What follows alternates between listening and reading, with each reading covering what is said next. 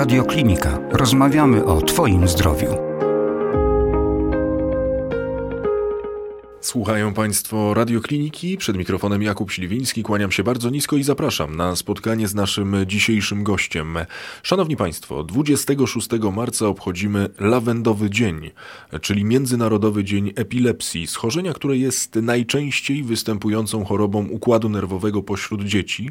U prawie co trzeciego chorego, mimo stosowanych leków, nie dochodzi do poprawy stanu zdrowia, napady utrzymują się, a jakość życia dzieci się pogarsza.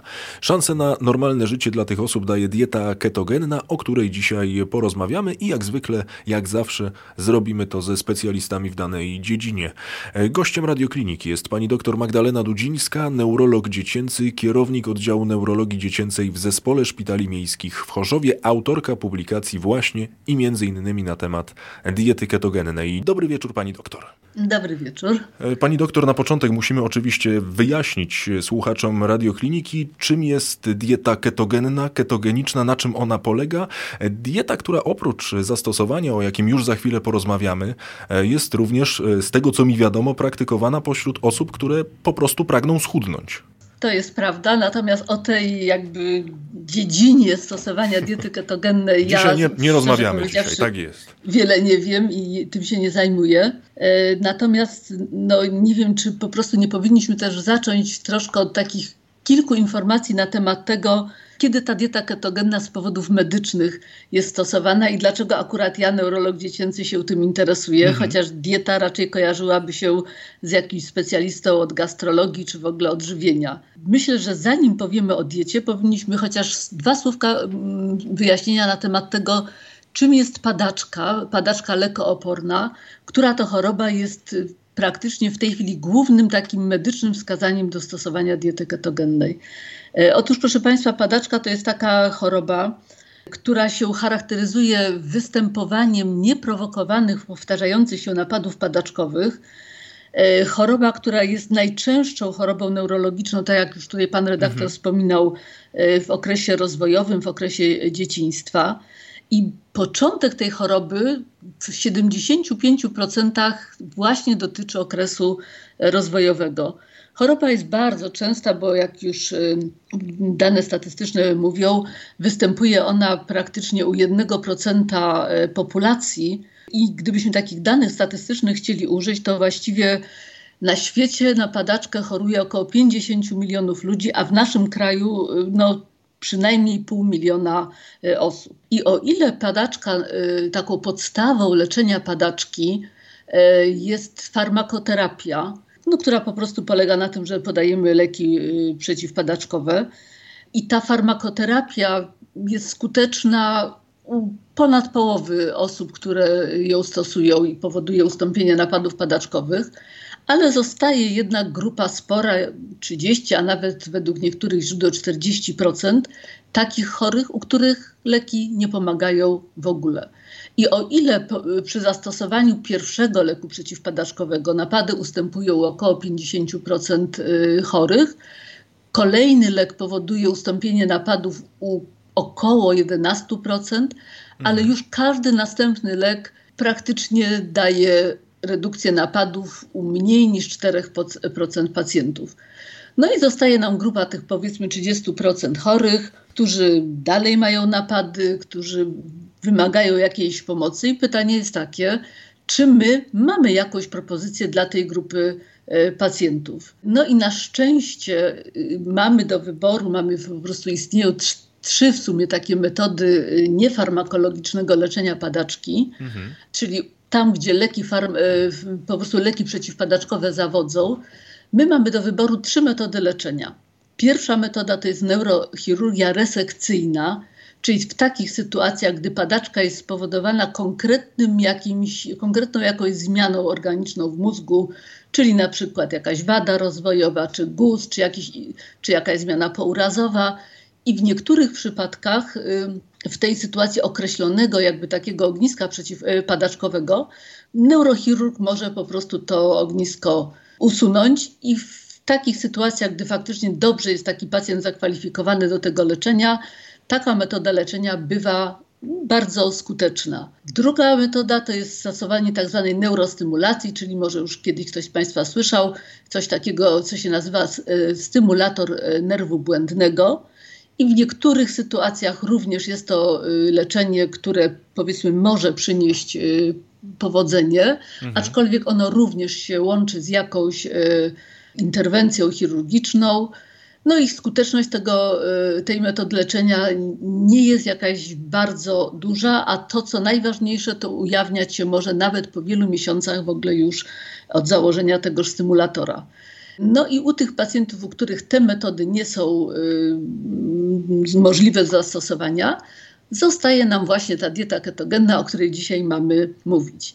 E, proszę Państwa, historia diety ketogennej jest bardzo długa, bo praktycznie takie pierwsze próby stosowania e, no, czegoś w rodzaju diety ketogennej, a w każdym razie opartego na podobnych mechanizmach działania, to właściwie my możemy znaleźć już e, w V wieku przed naszą erą. Mhm. Czyli w czasach antycznych, potem doniesienia podobne się pojawiają w czasach biblijnych i poprzez okres średniowiecza aż do początku XX wieku zauważono, że jeżeli pacjent, u którego występują powtarzające się napady padaczkowe, poddany zostanie głodzeniu, to znaczy nie damy mu nic jeść, dajemy mu tylko picie, wodę, to u tych chorych napady albo znacznie się redukowały, albo zdecydowanie nawet całkowicie ustępowały. No ale oczywistą jest rzeczą, że na dłuższą metę takie leczenie nie jest możliwe do prowadzenia, no bo ileż można wytrzymać bez jedzenia. Na ogół to trwało powiedzmy około miesiąca. Ci, co mieli szczęście, to po takiej terapii wstrząsowej e, napady u nich nie wracały, a, ci, a u innych no niestety mogły wrócić. Pamiętamy, że były to czasy, gdy nikt, nie dysponowaliśmy żadną inną metodą leczenia padaczki. I taka sytuacja trwała aż do lat dwudziestych y, ubiegłego wieku, i wtedy po raz pierwszy pojawiło się takie naukowe doniesienie na temat stosowania naprzód głodzenia u chorych z padaczką. Była taka praca, która się pojawiła na posiedzeniu Amerykańskiego Stowarzyszenia Lekarzy w 1921 roku. I tam przedstawiono grupę 36 pacjentów, których faktycznie to głodzenie przyniosło ustąpienie napadów. Ale też w tym samym czasie inni badacze zaczęli zastanawiać się, czy faktycznie nie można by w jakiś sposób odtworzyć tego mechanizmu, tego, jakiego, tego co się dzieje w organizmie w mhm. czasie mhm. głodzenia i zastosować jakąś inną opcję, no, taką, która ma dłuższą, możliwy dłuższy czas stosowania. No i okazało się, y, oczywiście to już może częściowo nawet było wiadomo wcześniej, ale o tym powiedzmy nie było to jakoś wykorzystywane, że takie y, przemiany metaboliczne, jakie zachodzą w organizmie w czasie głodzenia, możliwe są do wywołania wtedy, kiedy jako źródło energii dla organizmu y, będziemy podawać zwiększoną ilość tłuszczu w mhm. miejsce takiego podstawowego, y, podstawowego źródła energii, jakim stanowią węglowodany. I ustalono taką dietę, właśnie, która e, opierała się na zwiększonej podaży tłuszczów, która powodowała wytwarzanie e, we krwi czy w ogóle w organizmie ketonów, a zaraz powiem, co to są te ketony. No w każdym razie od, od tego właśnie efektu powstawania tych ketonów dieta została nazwana ketogenną. I tak szczerze powiedziawszy, to ogólne sto zasady stosowania takiego leczenia z grubsza obowiązują do dzisiaj. Gdybyśmy chcieli jeszcze wrócić do tego mechanizmu, do tego, co się dzieje w organizmie w czasie mhm. właśnie głodzenia, czyli nie podajemy powiedzmy pożywienia, czyli też e, nie podajemy tych podstawowych źródeł energii, jakie są węglowodany, organizm sobie jakoś z tym chce radzić i uruchamia e, własne zapasy tłuszczu, które na drodze przemian zostaną przekształcone te e, kwasy, powiedzmy w takie kwasy tłuszczowe, mhm E, które następnie są przetwarzane w wątrobie właśnie w ciała ketonowe. I cóż te ciała ketonowe robią? One mają tę cudowną właściwość, że przenikają do ośrodkowego układu nerwowego. Do ciał ketonowych zaliczamy takie substancje jak aceton, acetooctan i kwas beta-hydroksymasłowy. I na przykład kwas beta-hydroksymasłowy bardzo łatwo przenika przez tak zwaną barierę krew-mózg i na tej zasadzie powiedzmy potem na drodze różnych bardzo skomplikowanych przemian powoduje podobny, znaczy w sumie to się wszystko dzieje jakby podobnie tak jak w trakcie tego głodzenia, tylko mhm. nie, jest, nie, nie pozbawiamy pacjenta jedzenia, a dostarczamy mu te tłuszcze, które w czasie głodzenia on by po prostu uruchamiał z własnych zapasów, a w ten sposób y, dostaje to y, zewnątrz. Ten mechanizm działania diety y, ketogennej przeciwpadaczkowej jest niezmiernie skomplikowany i tutaj trudno byłoby go nawet jakkolwiek E, powiedzmy grubsza omówić. Natomiast no, warto jest tylko e, wiedzieć, że mm, ostatecznym efektem na, na drodze różnych przemian, e, powiedzmy w różnych komórkach organizmu, a tutaj głównie nam chodzi o środkowy układ nerwowy, na różnych poziomach wytwarzania różnych, powiedzmy, substancji, które mają działanie hamujące przed napadami padaczkowymi i te substancje hamujące pod wpływem diety ketogennej ulegają wzmocnieniu. Z kolei takie substancje, które są wydzielane w mózgu, które powodują jakby nasilanie napadów padaczkowych, ich e, produkcja jest hamowana. Ostatecznie ta cała taka bardzo skomplikowana e, maszyna metaboliczna powoduje do zwiększenia właśnie takich tak zwanych rezerw energetycznych w mózgu, działania hamującego na neurony, E, czyli w sumie to prowadzi do działania przeciwdrzgawkowego, działania takiego neuroprotekcyjnego, czyli ochronnego na komórki mózgowe.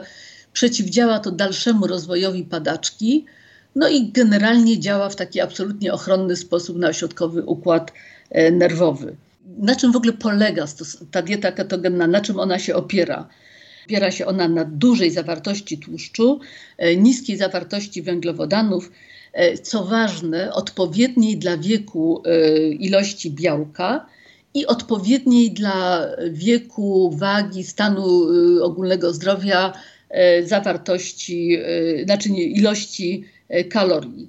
Pani doktor, my już za chwilę o tym wszystkim oczywiście będziemy sobie e, ten cały temat e, rozkładali na czynniki pierwsze. Ja tak kilka minut temu powiedziałem Państwu, że w radioklinice mamy do czynienia z prawdziwymi specjalistami, no i absolutnie to nie są słowa e, rzucane na wiatr. Pani doktor, ale jak to wygląda, jeżeli chodzi już o przygotowanie takiego jadłospisu, jeżeli chodzi o taką dietę ketogenną? No bo my tutaj nie możemy sobie działać, że tak powiem, samopas. Nie możemy działać A, na własną rękę. Tutaj wszystko trzeba robić pod ścisłym nadzorem, więc Dokładnie. zastanawiam Zastanawiam się, jak to wygląda czysto technicznie, jak to wygląda już okiem e, pacjenta, kto za to odpowiada, aby ta dieta była właściwie e, zbilansowana, zbalansowana, no i przede wszystkim na czym ona ma się opierać. Jak wygląda taki typowy jadłospis osoby, która e, stosuje dietę ketogenną?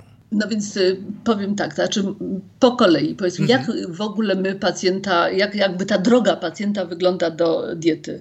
Przede wszystkim, tak jak wspomniałam, jest konieczne rozpoznanie padaczki lekoopornej, która to padaczka jest rozpoznawana wtedy, kiedy napady nie ustępują po zastosowaniu przynajmniej dwóch prawidłowo stosowanych mhm. leków przeciwpadaczkowych. Druga taka ważna rzecz, którą chciałabym, żebyście Państwo wiedzieli, że są takie dwie choroby wrodzone metaboliczne. Jest to deficyt transportera glukozy i, de, i deficyt dehydrogenazy pirogronianowej, które stanowią wskazania do leczenia tą dietą. Więc mamy pacjenta z rozpoznaną padaczką lekooporną albo z tymi dwoma deficytami neurologicznymi, e, metabolicznymi i przystęp, no i powiedzmy prowadzimy, my generalnie prowadzimy taki proces e, kwalifikacji e, pacjenta do diety, który powiedzmy przede wszystkim no, ustalamy, że dziecko ma wskazania do tego leczenia, następnie wykluczamy przeciwwskazania. Proszę Państwa, to jest niezmiernie ważne, ponieważ istnieje szereg takich schorzeń, które mhm. stanowią absolutne przeciwwskazanie do leczenia dietą ketogenną. Więc zanim my zdecydujemy się na e, rozpoczęcie diety ketogennej u pacjenta, to musimy przede wszystkim wykluczyć te choroby, które są przeciwwskazaniem do niej. I tu jest prowadzony taki cały mm, taki proces kwalifikacji pacjenta do leczenia, który się musi odbywać absolutnie pod bardzo specjalistyczną kontrolą. My mamy taki, stosujemy taki protokół wprowadzania diety ketogennej. Jest on w tej chwili rozpowszechniony we wszystkich ośrodkach stosujących dietę ketogenną w Polsce e, oparty na takich e, powiedzmy protokołach obowiązujących w Stanach Zjednoczonych, Wielkiej Brytanii czy w Niemczech, czyli no, w większości krajów w ogóle stosujących. Mhm. Powiedzmy, jest pacjent zakwalifikowany, y, ma zrobionych szereg badań, badań metabolicznych. E, może się tak zdarzyć na przykład, że Państwo, którzy zostajecie, myślicie w ogóle o diecie, nagle się dowiadujecie, że to nie jest tak, że możecie sobie przyjść i, i tę dietę stosować. Trzeba na przykład zrobić te badania, ale może do tego potem przejdziemy. Natomiast tutaj y, powiedzmy to, co Pan redaktor powiedział, proszę Państwa, to jest dieta ketogenna to nie jest sposób odżywiania, to jest leczenie, to jest y, po prostu sposób leczenia ciężkiej choroby. Jest to taka medyczna terapia żywieniowa i ona może być stosowana wyłącznie pod ścisłym nadzorem lekarza i dietetyka. Czyli pierwsza rzecz, lekarz kwalifikuje do tego leczenia, jeżeli są wskazania do niego, i lekarz wyklucza przeciwwskazania do leczenia. I to jest pierwszy etap i jego się absolutnie nie da ominąć. Nie można zrezygnować z żadnego z tych badań, które są konieczne, żeby wykluczyć choroby, które gdyby na przykład nie zostały wykryte, mhm. a zastosowalibyśmy dietę ketogenną, wśród takich chorób są na przykład wrodzone defekty mm, prze, przemian tłuszcz, tłuszczu w organizmie, to moglibyśmy narazić dziecko na bardzo ciężkie powikłania, a nawet no, jakiś dramatyczny, e, powiedzmy, sytuację. E, także tutaj absolutnie tego opuścić nie możemy.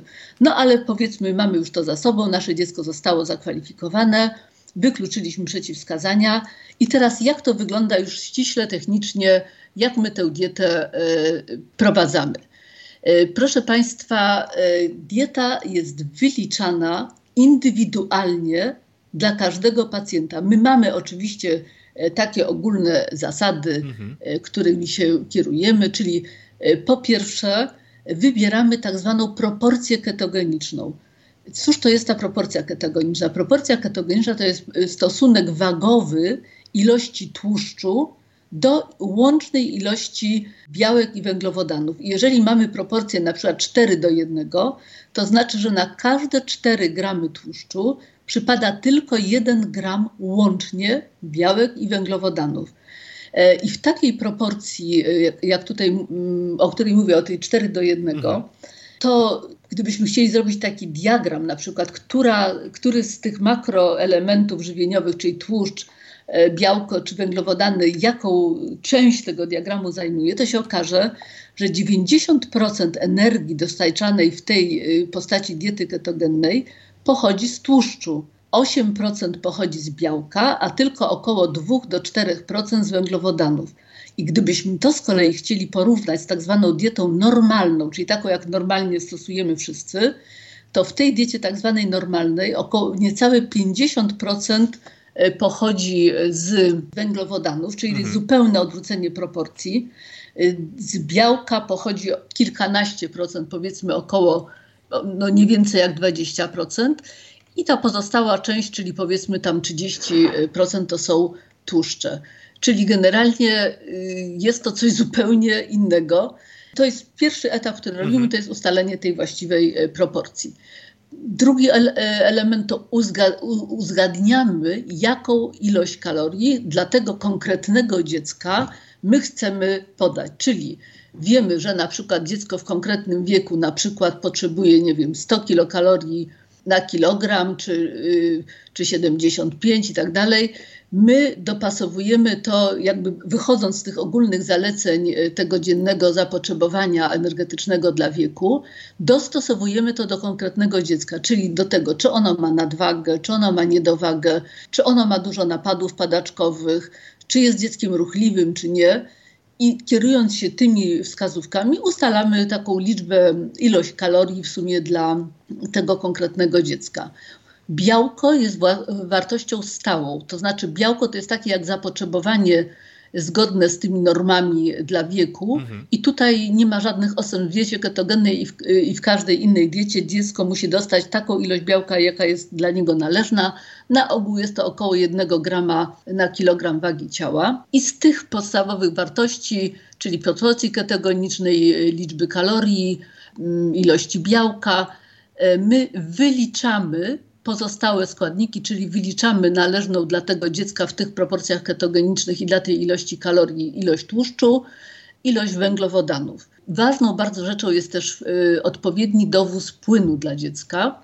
E, to znaczy, tak ogólnie można powiedzmy sobie to przeliczać, że około 1 ml na 1, mhm. 1 kilokalorię wyliczonego zapotrzebowania energetycznego.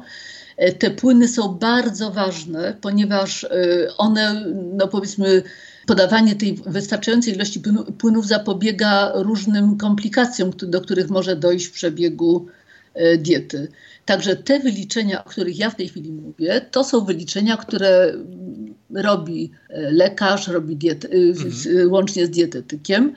I jak już mamy wyliczone te wartości, czyli wiemy jaką proporcję, wiemy ile kalorii, wiemy ile białka, węglowodanów i tłuszczu, wtedy jest taka bardzo ważna tutaj w tym momencie rola dietetyka, bo dietetyk teraz jakby przelicza to, co myśmy wyliczyli, białko, węglowodany, tłuszcze, na norma, znaczy na to, co dziecko może konkretnie zjeść, czyli mhm. planuje dla dziecka e, posiłki.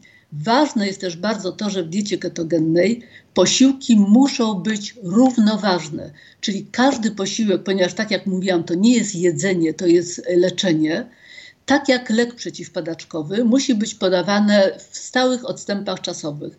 Czyli jeżeli mamy dietę dziecko je trzy posiłki na dobę, to musi to dostawać w odstępach czasowych około 8 godzin, jeżeli 4 to 6 godzin. Każdy posiłek jest identyczny pod względem zawartości kalorii, białka, tłuszczu i węglowodanów.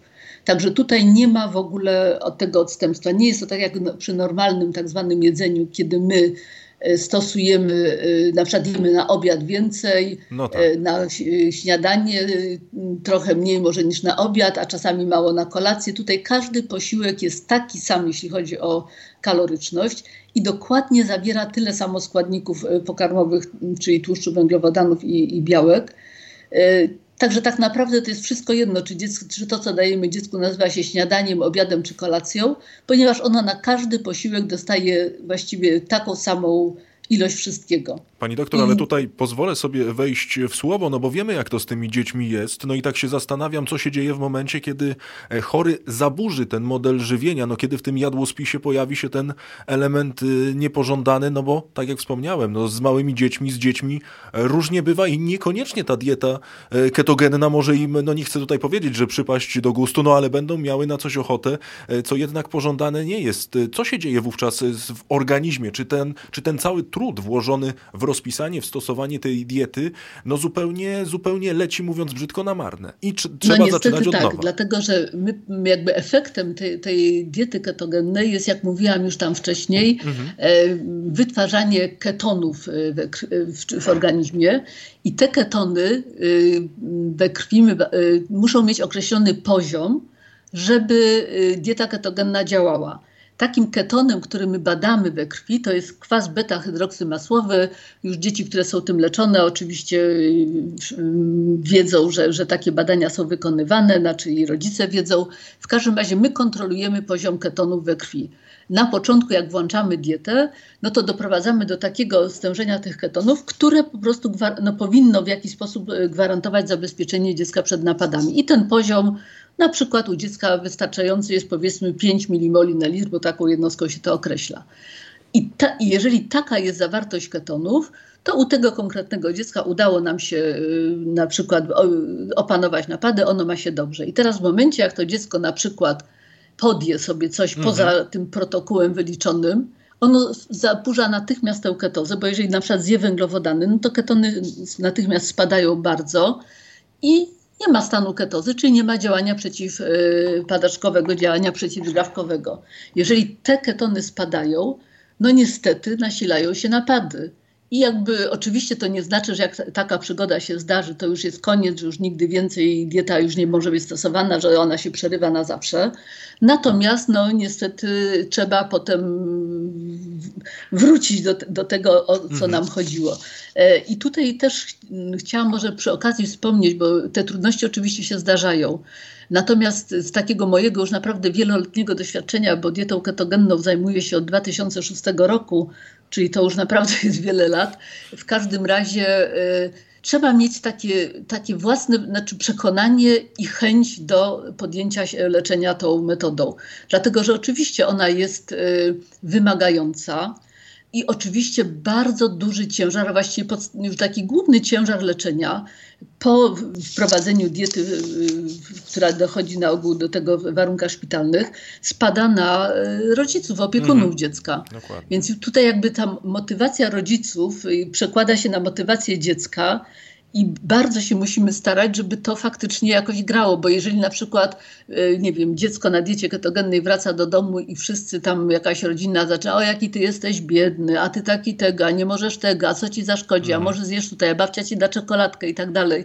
Nie, my to dziecko musimy bardzo motywować po prostu, jaki ty jesteś dzielny, jaki ty jesteś wspaniały, ty masz wspaniałą dietę widzisz, że ci pomaga. I prawda jest taka, że jeżeli e, ta dieta faktycznie się sprawdza, a sprawdza się, o tym zapewne będziemy mówić za chwilkę tak o jej skuteczności, ale tutaj mogę powiedzieć, że u ponad 50%, 50% dzieci z padaczką lekooporną, czyli takich, które miały jeszcze około tylko 2-3% szans na poprawę przy stosowaniu kolejnych leków, to tutaj jest ponad 50% szansy na zmniejszenie liczby napadów, a u, na, 10 do 15% na całkowite ich ustąpienie. Więc decydując się na leczenie dietą, musimy się też liczyć z tym, że no, no jest to jakiś tam powiedzmy reżim, jest to jakieś wymaganie, ale naprawdę proszę mi wierzyć, jest to do przejścia. No, już, na, już nawet w Polsce, my w tej chwili w Polsce mamy ponad 250 dzieci leczonych aktualnie dietą ketogenną a z tych, które już wcześniej były leczone, no to to już naprawdę są, jest bardzo duża, już nie mówiąc ile na świecie. I w większości przypadków da się to wszystko jakoś ogarnąć i, i, da się ogarnąć y, ten pobyt w domu i da się, już nie mówiąc o tym, że y, w, w, ze współpracy z dietetykiem można tak układać te posiłki, że one mimo takiej no, pozornej jakiejś monotonii, właściwie wydawałoby się, że to jest w ogóle nie do przejścia, y, jak to można zjeść coś takiego, co ma 90% tłuszczu. Okazuje się, że naprawdę można i tutaj powiedzmy jest ta olbrzymia rola naszych wspaniałych dietetyków, którzy po prostu no, potrafią wymyślać takie rzeczy, że, że, no, że aż się nie chce wierzyć. Także no, w każdym razie, y, y, jeżeli już się decydujemy na dietę ketogenną, to musimy, że tak powiem, zdawać sobie sprawę z tego, że jej przerwanie może skutkować nawrotem napadów. I my bardzo przed tym przestrzegamy. No ale jak mówię, jeżeli zdarzy się taka sytuacja, to, proszę, to też nie zatajamy tego przed lekarzem, e, tylko po prostu no, dzwonimy, mailujemy, bo na ogół, nie wiem jak w innych ośrodkach, ale w naszym my mamy taki stały kontakt z naszymi pacjentami, mają mhm. do nas dostęp mailowy.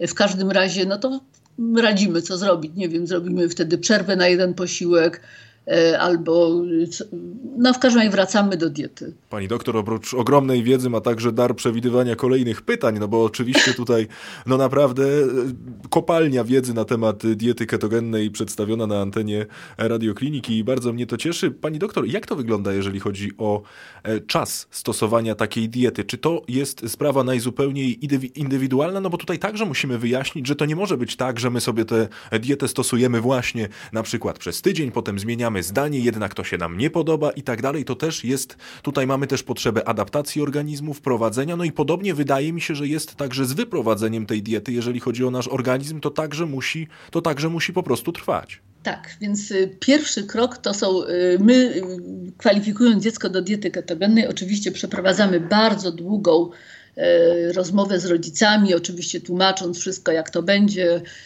o tych potencjalnych problemach, działaniach niepożądanych i tak i staramy się zawrzeć z rodzicami tak zwany no, kontrakt, coś w tym rodzaju, na trzy miesiące terapii. Dlaczego? Dlatego, że nad, y, dieta ketogenna na ogół rozwijać może swoje działanie do trzech miesięcy. Czyli my na przykład po tygodniu czy dwóch stosowania diety nie wiemy jeszcze, czy ona będzie skuteczna, czy nie ale na ogół wiedzę to mamy już po tych trzech miesiącach. Czyli jeżeli u kogoś do trzech miesięcy nie y, ma żadnej poprawy, to jest raczej mało prawdopodobne, że ta poprawa jeszcze wystąpi. I y, staramy się przekonać rodziców, żeby te trzy miesiące wytrzymać, jeżeli oczywiście nie będzie działań niepożądanych, które nas zmuszą do wcześniejszego, y, do wcześniejszej rezygnacji z, tego, z tej metody leczenia, to ten pierwszy etap to jest właśnie te trzy miesiące. I po tych trzech miesiącach robimy taki remanent, czyli tak, siadamy z rodzicami i oceniamy, czy efekty te, któreśmy osiągnęli, czyli procent redukcji napadów, mhm. jest dla rodziców satysfakcjonujący. My ze swojej strony jako lekarze mówimy, że z naszego punktu widzenia jest to na przykład sytuacja zadowalająca, albo że z naszego punktu widzenia nie jest e, zadowalająca. E, może się na przykład tak zdarzyć, że u dziecka wystąpią objawy niepożądane, które jakby będą trudniejsze do zaakceptowania niż e, efekt pozytywny. Może też tak być, że rodzice w trakcie tych trzech miesięcy dojdą do wniosku, że no, chociaż chcieli na przykład i mieli nadzieję, że jakoś tam sobie z tym poradzą, jednak E, to no nie, nie jest dla nich e, do zaakceptowania. I wspólnie podejmujemy decyzję, czy my dalej kontynuujemy leczenie, czy nie.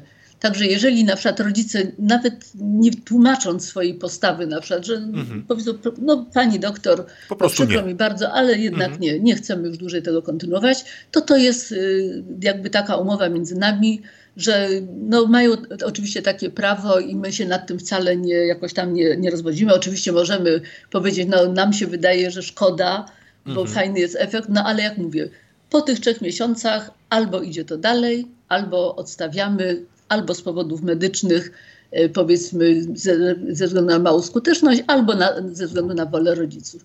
No i mamy następny etap leczenia, to jest taka już taki, aha jeszcze tylko ten, te, te trzy pierwsze leczenia to jest taki mhm. okres takiego dostosowywania diety do potrzeb dziecka, czyli my w tym czasie możemy coś tam zmienić, kalorie, proporcję ketogeniczną, to, to, tak żeby było to powiedzmy jak, naj, efekt jak najlepszy.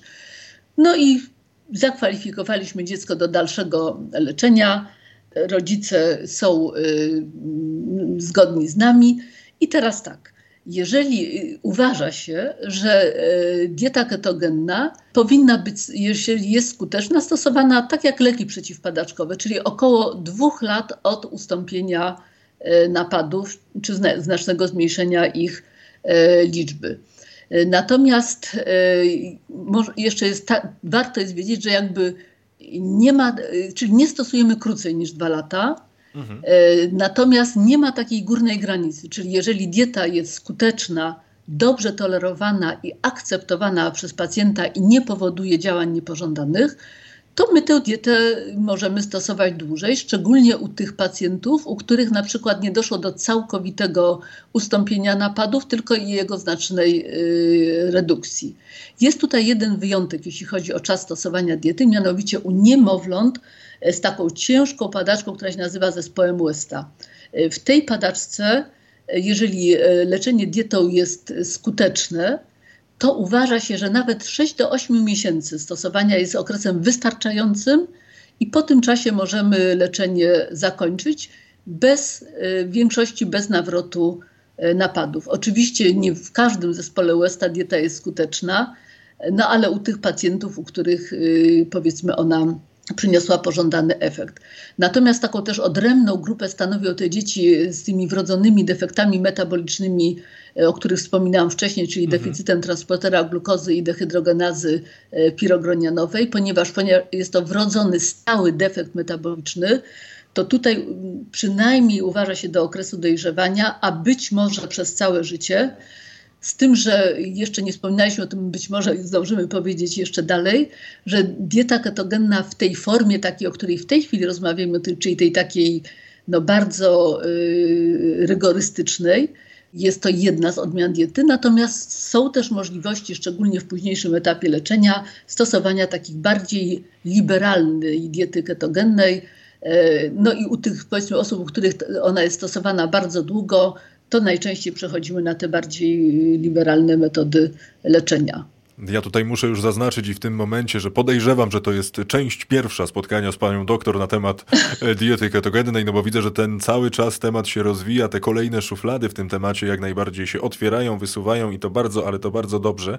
E, pani doktor, kilka bądź też kilkanaście minut temu wspomniała pani o pewnych e, przeciwwskazaniach. Kiedy chory nie może zdecydować się, nie może zastosować po prostu diety ketogennej i pytanie, czy nie ma powikłań, jeśli mowa o tego typu diecie, kiedy chory kategorycznie nie nie może zastosować tego typu rozwiązań. No więc tak, dieta ketogenna oczywiście ma swoje y, przeciwwskazania jest ich y, niestety dość y, sporo. E, przede wszystkim przeciwwskazaniem do stosowania diety ketogennej są e, różne wrodzone e, zaburzenia metaboliczne. No tutaj na, nawet tr trudno powiedzmy je wszystkie wymienić. W każdym razie są to wszystkie te zaburzenia metaboliczne, które łączą się z zaburzonymi przemianami tłuszczu w organizmie. Mhm z różnymi deficytami różnych, powiedzmy, enzymów, substancji, na przykład takie choroby jak kwasice organiczne są przeciwwskazaniem, ale też poważne schorzenia wątroby, schorzenia nerek, y, jakieś takie metaboliczne, rodzinnie uwarunkowane hyperlipidemie, czyli tam, gdzie mamy w rodzinie na przykład tendencję do podwyższonego y, cholesterolu, natomiast e, i to są takie bezwzględne przeciwwskazania. Jeżeli takie choroby stwierdzamy, absolutnie, no niestety przykro, ale musimy takie dziecko zdyskwalifikować, ponieważ dieta by była dla niego niebezpieczna. E, też uważnie bardzo analizujemy takie sytuacje, gdy mamy, gdy trafia do nas do leczenia dziecko, które generalnie jest takim dzieckiem, mówiąc o, tak obrazowo, niedożywionym, mhm. czyli takie dziecko, które jakby ma trudności, w ogóle zawsze miało z osiągnięciem jakiegoś takiego należytego stanu odżywienia. Też takim względnym przeciwwskazaniem do diety są te sytuacje, o których już wcześniej wspominałam, mianowicie zidentyfikowane y, ognisko padaczkowe na przykład w badaniu rezonansu. I to są te padaczki, które można leczyć y, operacyjnie, ale w sytuacjach, gdy z jakichś powodów y, operacja jest przeciwwskazana, bo ma dziecko jakieś inne schorzenia, albo po prostu rodzice nie decydują się na e, leczenie operacyjne, to oczywiście w tych sytuacjach my też podejmujemy e, leczenie dietą ketogenną, oczywiście uprzedzając rodziców, że ta odpowiedź na leczenie tego rodzaju padaczki może być gorsza. E, gdyż e, też, e, to nawet nie wiem, bo pewnie nie zdążyłam też o tym powiedzieć, że taki najlepszy efekt, powiedzmy, przeciwpadaczkowy uzyskujemy w tych sytuacjach, gdy, gdy u dziecka występują tak zwane napady uogólnione. Ale to tak na marginesie. Natomiast też warto wspomnieć o takim przeciwwskazaniu względnym, które jest już takim, no, powiedzmy, niemedycznym przeciwwskazaniem. My to nazywamy złą współpracą z rodzicami, ponieważ jest to taka metoda leczenia, która wymaga naprawdę dużego, znaczy zaangażowania bardzo dużego zespołu leczącego, ale też y, zaangażowania rodziców i musimy sobie nawzajem e, ufać bo jak mówię, tutaj tych różnych takich aspektów jest bardzo wiele. Jeżeli powiedzmy nie mamy takiego wzajemnego zaufania, my nie mamy pewności, że rodzice realizują to, co my zalecamy, rodzice e, też nie za bardzo wierzą, że to, co my im zalecamy, to naprawdę jest dla dziecka dobre, no to czasami może być e, taka sytuacja też przeciwwskazaniem do, e, do leczenia, do kontynuacji e, diety ketogennej. Natomiast tutaj rozumiem, że przejdziemy teraz do takiej sprawy jak powikłania, prawda, jakieś tak działania jest. niepożądane, które mogą się w trakcie diety zdarzyć. I tutaj oczywiście, no tak jak w każdej terapii, która jest terapią poważnej choroby, oczywiście różne działania niepożądane mogą się zdarzać. I to jeśli chodzi o dietę ketogenną, to my sobie to tak dydaktycznie e, dzielimy na tak zwane e, powikłania czy działania niepożądane wczesne i przewlekłe i odległe. Mhm. I wśród tych wczesnych, y, no to my przede wszystkim, one występują wtedy, kiedy my dietę włączamy, czyli tu, kiedy dochodzi do tego takiego wielkiego przestrojenia, bo tak jak już tu pan redaktor wspomniał, no po prostu to jest rewolucja dla metabolizmu, no tak. E, jeżeli my tak całkowicie wszystko zmieniamy. Wszystko się tu musi przestawić, muszą się przestawić różne powiedzmy układy, jakieś tam układy enzymatyczne i tak dalej. I na początku mogą różne rzeczy się dziać i do takich podstawowych, jakby najczęściej pojawiających się e, działań niepożądanych występujących na początku leczenia, to należy hypoglikemia, czyli spadek poziomu cukru we krwi, poziomu glukozy, taka kwasica i nadmierna ketoza, czyli tak jakby nadmierne zakwaszenie mhm. krwi i za duża zawartość e, ketonów we krwi, to się może manifestować nudnościami, wymiotami, dojść może do odwodnienia, dziecko może nam zupełnie odmówić na przykład otwarcia buzi i jedzenia, może też wystąpić senność na początku. I chociaż to wszystko bardzo groźnie brzmi, ale tak naprawdę to z tymi powikłaniami my sobie bardzo łatwo radzimy. Dlaczego? Dlatego, że dziecko jest w szpitalu, dlatego, że ono jest bardzo dokładnie monitorowane. Na początku leczenia y, przy włączaniu diety my kilkakrotnie w ciągu doby oznaczamy poziom cukru, oznaczamy właśnie jakby tę kwaśność krwi, obserwujemy dziecko. Jeżeli jest taka potrzeba, to, to te parametry y, wyrównujemy. My, my, mając powiedzmy doświadczenie w prowadzeniu takich dzieci, dokładnie wiemy, kiedy się dzieje taka sytuacja, że my musimy interweniować, a kiedy możemy spokojnie na przykład patrząc na dziecko, obserwując je, pewne rzeczy y, przeczekać. Także tutaj z, z tymi rzeczami, o których wspomniałam, naprawdę jest bardzo łatwo sobie y, poradzić i one no, no szczerze powiedziawszy, ja nie pamiętam takiego przypadku, żeby te wczesne e, działania niepożądane były przyczyną przerwania leczenia. E, natomiast oprócz tych wczesnych mogą się zdarzyć takie, które jakby będziemy obserwować nie na powiedzmy w ciągu pierwszych dwóch tygodni leczenia, mhm. Ale potem po miesiącach, tygodniach, miesiącach, a nawet latach. I takie najczęstsze, które praktycznie u prawie każdego dziecka leczonego dietą y, działania niepożądanego obserwujemy, to są zaparcia, ponieważ dieta ketogenna jest taką dietą ubogoresztkową, w związku z tym nie, uboga jest zawartość błonnika.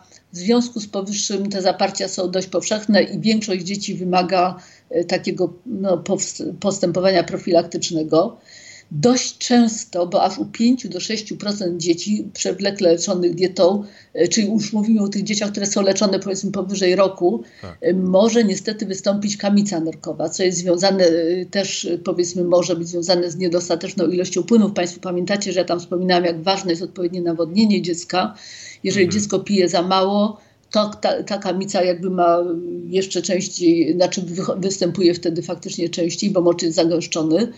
E, I tak jak mówiłam, 5 do 6% dzieci może na nią cierpieć, ale my tutaj też mamy sposób na to, bo e, jeżeli widzimy, że jest jakakolwiek tendencja, my robimy takie specjalne badania, o których tu już nie będę mówić, które wskazują na zagrożenie kamicą, czyli jeszcze nie, że ona jest, to u tych dzieci stosujemy takie powiedzmy taką suplementację, o której też bym chciała sekundę potem wspomnieć, która zapobiega kamicy. I wtedy ta częstość kamicy u tych dzieci z, z tą suplementacją, e, z jak, która jakby mm, przeciwdziała przy tym y, tworzeniu kamieni nerkowych, spada poniżej 1%. Częstym niestety y, działaniem niepożądanym odległym jest upośledzenie wzrostu docelowego. To dotyczy ponad 80% dzieci. No i znowu, y, można na to spojrzeć y, w dwojaki sposób. Mhm. Po pierwsze, u tych dzieci, u których my na przykład kończymy leczenie dietą, i które faktycznie, u których obserwowaliśmy pośledzenie wzrostu, faktycznie po, po odstawieniu diety w ciągu kolejnych miesięcy te dzieci zaczynają szybciej, jakby mm, ten wzrost się zwiększa.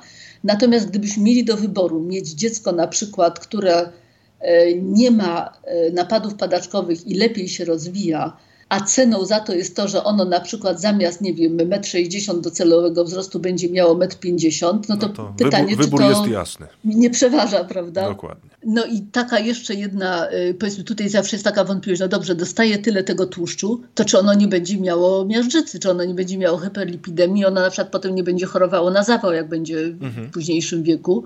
No i tutaj ta hyperlipidemia też może dotyczyć od 14 gdzieś tam do około 50%, ale na ogół jest przejściowa, i, y, i, nie stwierdza się już, powiedzmy, bo to już dietę stosujemy, stosujemy przecież no, praktycznie dobrze ponad 20 lat, już tak na takim, y, w taki sposób y, szeroki.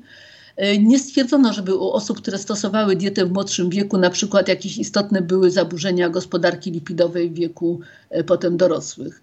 No i takie jeszcze rzadsze, powiedzmy to, no oczywiście niedobory różnych rzeczy mogą być, witamin i tak dalej, ale to są rzeczy, o których wiemy i dlatego u wszystkich dzieci stosujemy tak zwaną suplementację. To jest też bardzo ważne i o tym chciałabym chociaż jedno zdanie wspomnieć, że każde dziecko, które jest na diecie e, ketogennej, musi dostawać suplementy. Suplementy to są po prostu e, witaminy, e, to są po prostu, to jest, to jest wapń, przede wszystkim witamina D3 i w zależności od sytuacji też różne inne środki, to już potem lekarz decyduje, czy trzeba podawać karnitynę, czy trzeba podawać magnez.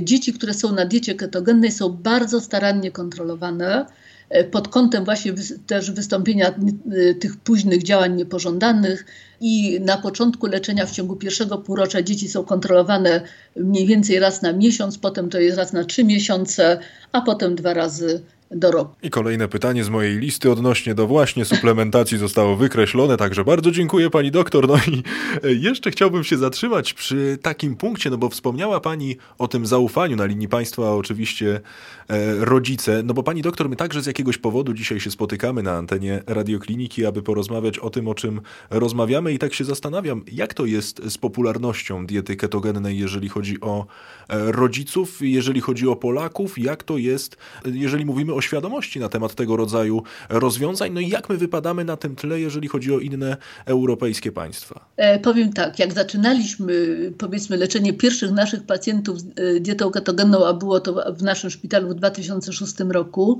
to sytuacja tak wyglądała, że to myśmy jakby wychodzili e, do rodziców z tym jakby takim, e, z taką propozycją. Mhm. No, przedstawialiśmy mniej więcej na czym to polega, mówiliśmy dlaczego u danego dziecka to by było wskazane, ale jakiegoś takiego wielkiego zainteresowania ani wśród pacjentów, ani niestety również, na czym trudno nawet powiedzieć niestety, wśród lekarzy i w ogóle personelu medycznego nie było. Natomiast w miarę upływu lat i pojawiania się jakby coraz więcej wiedzy na ten temat, no i też właściwie wszędzie, bo już na przykład, nie wiem, kliknie ktoś sobie w internecie dieta katogenna, no to coś się dowie, ale też z racji tego, że coraz więcej dzieci jest leczonych, więc te dzieci też, powiedzmy, rodzice y, mówią innym rodzicom i tak dalej, to teraz mamy taką sytuację, że do nas zgłaszają się pacjenci, e, którzy chcą być leczeni dietą ketogenną albo są kierowani przez swoich lekarzy neurologów, E, którzy sugerują już tym rodzicom, że no powiedzmy nie pomogły leki, to, e, to byśmy powiedzmy mogli stosować, no można spróbować leczenia dietą ketogenną.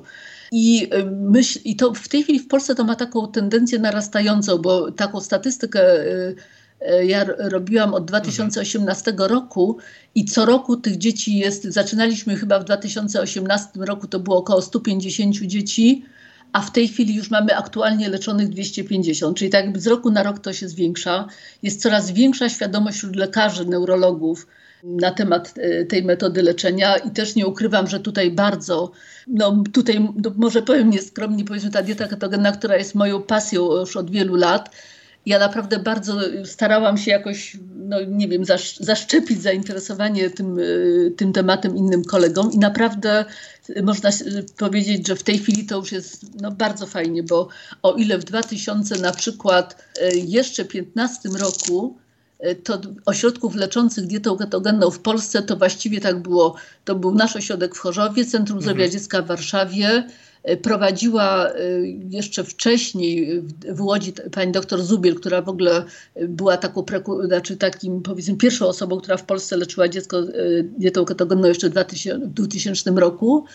No i właściwie jakieś pojedyncze gdzieś tam były takie, e, nie wiem, w kilku miastach. Natomiast w tej chwili, proszę Państwa, jest 14 potwierdzonych ośrodków w Polsce, które stosują dietę ketogenną. Wydaje mi się, że jeszcze dwie, dwa w tej chwili będzie więcej. Także właściwie albo w każdym województwie, a w tych województwach, których nie ma, na przykład świętokrzyskim, no to jest gdzieś blisko, bo albo to jest blisko na Śląsk, albo jest blisko, bo praktycznie prowadzimy mhm. i, i w, na Śląsku, w Katowicach i w Chorzowie, jest w Łodzi, jest w Bydgoszczy, w Gdańsku, w Szczecinie, e, w Poznaniu, we Wrocławiu, w Warszawie są cztery ośrodki w tej chwili, w Białymstoku, w Rzeszowie. No mam nadzieję, że, że nie, w Lublinie pani doktor e, też prowadziła bardzo wielu pacjentów. Także w tej chwili dostępność do diety ketogennej w Polsce naprawdę jest. I, i, i właściwie no, wydaje mi się, że każde dziecko, które by chciało, to może taką powiedzmy metodą być leczone. Oczywiście tak jak wszystkie inne powiedzmy sytuacje w medycynie, służbie zdrowia, no nie jest to tak, że przychodzi dzisiaj pacjent i on na przykład będzie przyjęty jutro na dietę ketogenną. Oczywiście to jest ten cały proces kwalifikacji i tak dalej. Czasami to trwa tam powiedzmy parę miesięcy, ale jest też możliwość przyjęcia dziecka w stanie e, nagłym. No, ja już tu nie wspominałam o tych różnych takich sytuacjach naglących, w których dietę ketogenną możemy stosować no, w takim opornym mhm. stanie padaczko, no, ca, no, cała masa to po prostu już by był też temat na w ogóle osobną e, rozmowę. W każdym razie wydaje mi się, że myśmy bardzo dużo w ciągu tych ostatnich pięciu lat w Polsce osiągnęli i to idzie w bardzo dobrym kierunku. Pani doktor, absolutnie trudno się zorientować, że dieta ketogenna jest pani pasją, także tak oczywiście pół żartem, pół serio. Pani doktor, ale jak to jest z osobami dorosłymi? No bo chyba tutaj nie ma wyraźnych wskazań, aby również u osób dorosłych stosować tego typu rozwiązania. Z czego to wynika? Dlaczego dieta ketogenna jest wskazana tylko dzieciom, tylko najmłodszym? Proszę mnie poprawić, jeśli się mylę. No właśnie się pan myli. Mylę się i bardzo dlaczego. dobrze. Znaczy, oczywiście to było tak, że na początku e, dieta ketogenna, powiedzmy to, co w Stanach Zjednoczonych zaczynano mhm. już tam w 98 roku ubiegłego e, wieku, e, faktycznie była stosowana u dzieci, było, te doniesienia dotyczyły dzieci, ale już praktycznie od jakiegoś czasu, no na pewno od chyba nawet już można powiedzieć nawet 10 lat prawie, coraz więcej ośrodków na świecie prowadzi dietę ketogenną u pacjentów dorosłych. I e, w tej chwili wiadomo, bo już się pokazywały takie prace, powiedzmy, oceniające skuteczność diety ketogennej osób dorosłych, i okazuje się, że również e, jak najbardziej jest to metoda możliwa do zastosowania osób dorosłych. Tutaj najczęściej korzystamy z tych takich bardziej liberalnych metod, znaczy jakby tych odmian tej diety, takie jak na przykład modyfikowana dieta Atkinsa o której to już pewnie nie, nie będziemy, no ale w każdym razie można stosować u dorosłych, skuteczna u dorosłych te, też jest. Problem jest taki z dorosłymi, że dorośli jakby nie zawsze są dobrymi, jakby dobrymi partnerami, czyli -hmm. powiedzmy osoba dorosła no nie zawsze. No wszystko wszystko wiem, rozumiemy, wszystko rozumiemy, co się z tym wiąże. tych ograniczeń tak dostosowywać, prawda? Natomiast y, w Polsce nikt nie prowadzi, jeśli chodzi o dorosłych. W Stanach Zjednoczonych już bardzo dużo jest pacjentów prowadzonych, w Wielkiej Brytanii również.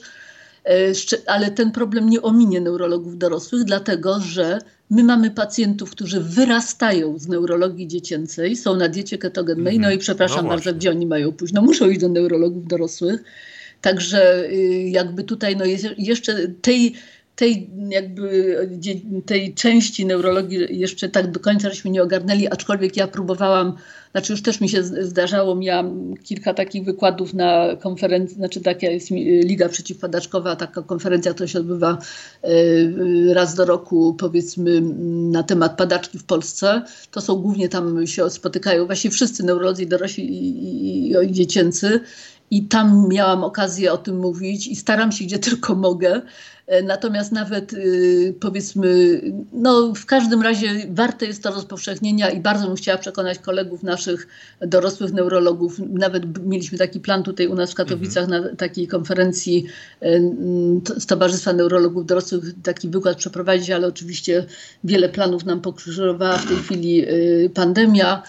No ale jakby to jest taka jeszcze dla nas praca do, do zrobienia, taka lekcja do odrobienia, żebyśmy kolegów naszych e, przekonali, żeby też się zajęli tym, bo jak mówię, no, nie mamy gdzie przekazywać naszych pacjentów, a my ich leczyć już potem nie możemy z różnych takich proceduralnych e, przyczyn. Także powinno, powinni neurolodzy dorośli też się tym zainteresować. Czyli jak najbardziej jest to pole do zagospodarowania, no i do tego, abyśmy się ponownie spotkali na antenie radiokliniki. Już w tym momencie pani doktor zapraszam. I na zakończenie, tytułem właśnie końca, gdyby ktoś ze słuchaczy radiokliniki w tym momencie zainteresował się dietą ketogenną, pani doktor, w telegraficznym skrócie, gdzie należy sprawdzać, gdzie należy poszerzać jeszcze, jeszcze bardziej swoją wiedzę na ten temat, oczywiście na czele z pani publikacją. Jak to wygląda, jeżeli no, chodzi chodzi o strony y, internetowe i tak dalej. W sumie tak, no, jest y, ta moja y, publikacja jeszcze z 2015 roku, w której się starałam faktycznie jakoś tak to przedstawić takim ludzkim językiem, żeby mogli korzystać nie tylko lekarze, ale przede wszystkim e, rodzice e, naszych małych pacjentów. E, w tej chwili jest też jest taka strona internetowa firmy Nutricja, która powiedzmy też tam jakieś informacje na temat diety ketogennej przekazuje. I chciałabym tylko, tylko przestrzec Państwa przed, przed korzystaniem z takich niesprawdzonych źródeł, bo wiadomo, że w internecie jest wszystko i to jest w ogóle nieweryfikowane. To nie dotyczy tylko diety, diety ketogennej, ale no, generalnie no, lepiej korzystać z takich, z takich powiedzmy sprawdzonych źródeł. Myśmy też wydawali takie ulotki dla rodziców na temat diety ketogennej. No, tych źródeł jest w tej chwili y, dość sporo i, i na pewno Państwo znajdą, a na pewno można zapytać swojego neurologa, y, do którego Państwo chodzą z dzieckiem i ten neurolog powinien y, wiedzieć, w którym ośrodku, powiedzmy najbliższym, taka powiedzmy dieta jest prowadzona no a jak mówię, no dietę, tak, znaczy informacje, no to powiedzmy szukać takich sprawdzonych źródeł jakichś. Z takiej popularnej wiedzy to na pewno jest właśnie ta publikacja moja. Jest taka jedna publikacja jeszcze pani y, na temat diety. Ja zaraz jeszcze tylko, mhm. jakoś to się nazywało, y, tłuszczem w padaczkę. O, teraz mi się przypomniało. Też taka książeczka bardzo fajna. Od, z kolei pani, która tę książeczkę napisała, jest mamą dziecka, które było E, leczone, więc to tak jakby jeszcze z punktu widzenia rodzica. Ja też mam taką nadzieję, że, że w ogóle będzie więcej okazji do, do takiej jakiejś prezentacji e, tego, bo no, w sumie właściwie bardzo mało się u nas y, pojawia takich audycji, czy w ogóle jakichś tych, które by faktycznie w taki sposób y, jakiś przystępny, mm, no nie wiem, popularyzowały różne y, metody leczenia. Także tutaj oczywiście dla Państwa redaktorów też jest dużo, że tak powiem, do zrobienia. Oczywiście, że tak. Pani doktor zobowiązuje się do tego, aby jeszcze więcej, jeszcze więcej informacji, jeszcze więcej właśnie takich rozmów, między innymi na antenie radiokliniki się odbywało. No i właśnie, podkreślmy, że tym dobrym źródłem na temat diety ketogennej jest to nasze e, dzisiejsze spotkanie, za które pani doktor bardzo, ale to bardzo gorąco dziękuję, no bo my przed tym dniem lawendowym musimy to opracować, musimy to opublikować. No a tutaj naprawdę sporo informacji zostało przekazane. Pani doktor Magdalena Dudzińska, neurolog dziecięcy, kierownik oddziału Wydziału Neurologii Dziecięcej w Zespole Szpitali Miejskich w Chorzowie. Była moim i Państwa gościem, gościem radiokliniki. Pani doktor, ogromna, serdeczna przyjemność. Bardzo serdecznie dziękuję i oczywiście już w tym momencie zapraszam na część drugą. A ja jeszcze na sam koniec chciałam bardzo serdecznie podziękować panu redaktorowi i całej redakcji, że w ogóle taki pomysł jest i że właśnie mogłam tutaj cokolwiek na ten temat powiedzieć i bardzo chętnie, y, jak będzie taka okazja, to będę kontynuować. Jak najbardziej kontynuować będziemy. Jeszcze raz pani doktor bardzo serdecznie dziękuję. Dziękuję bardzo, do widzenia. Więcej audycji na stronie radioklinika.pl i w naszej aplikacji mobilnej.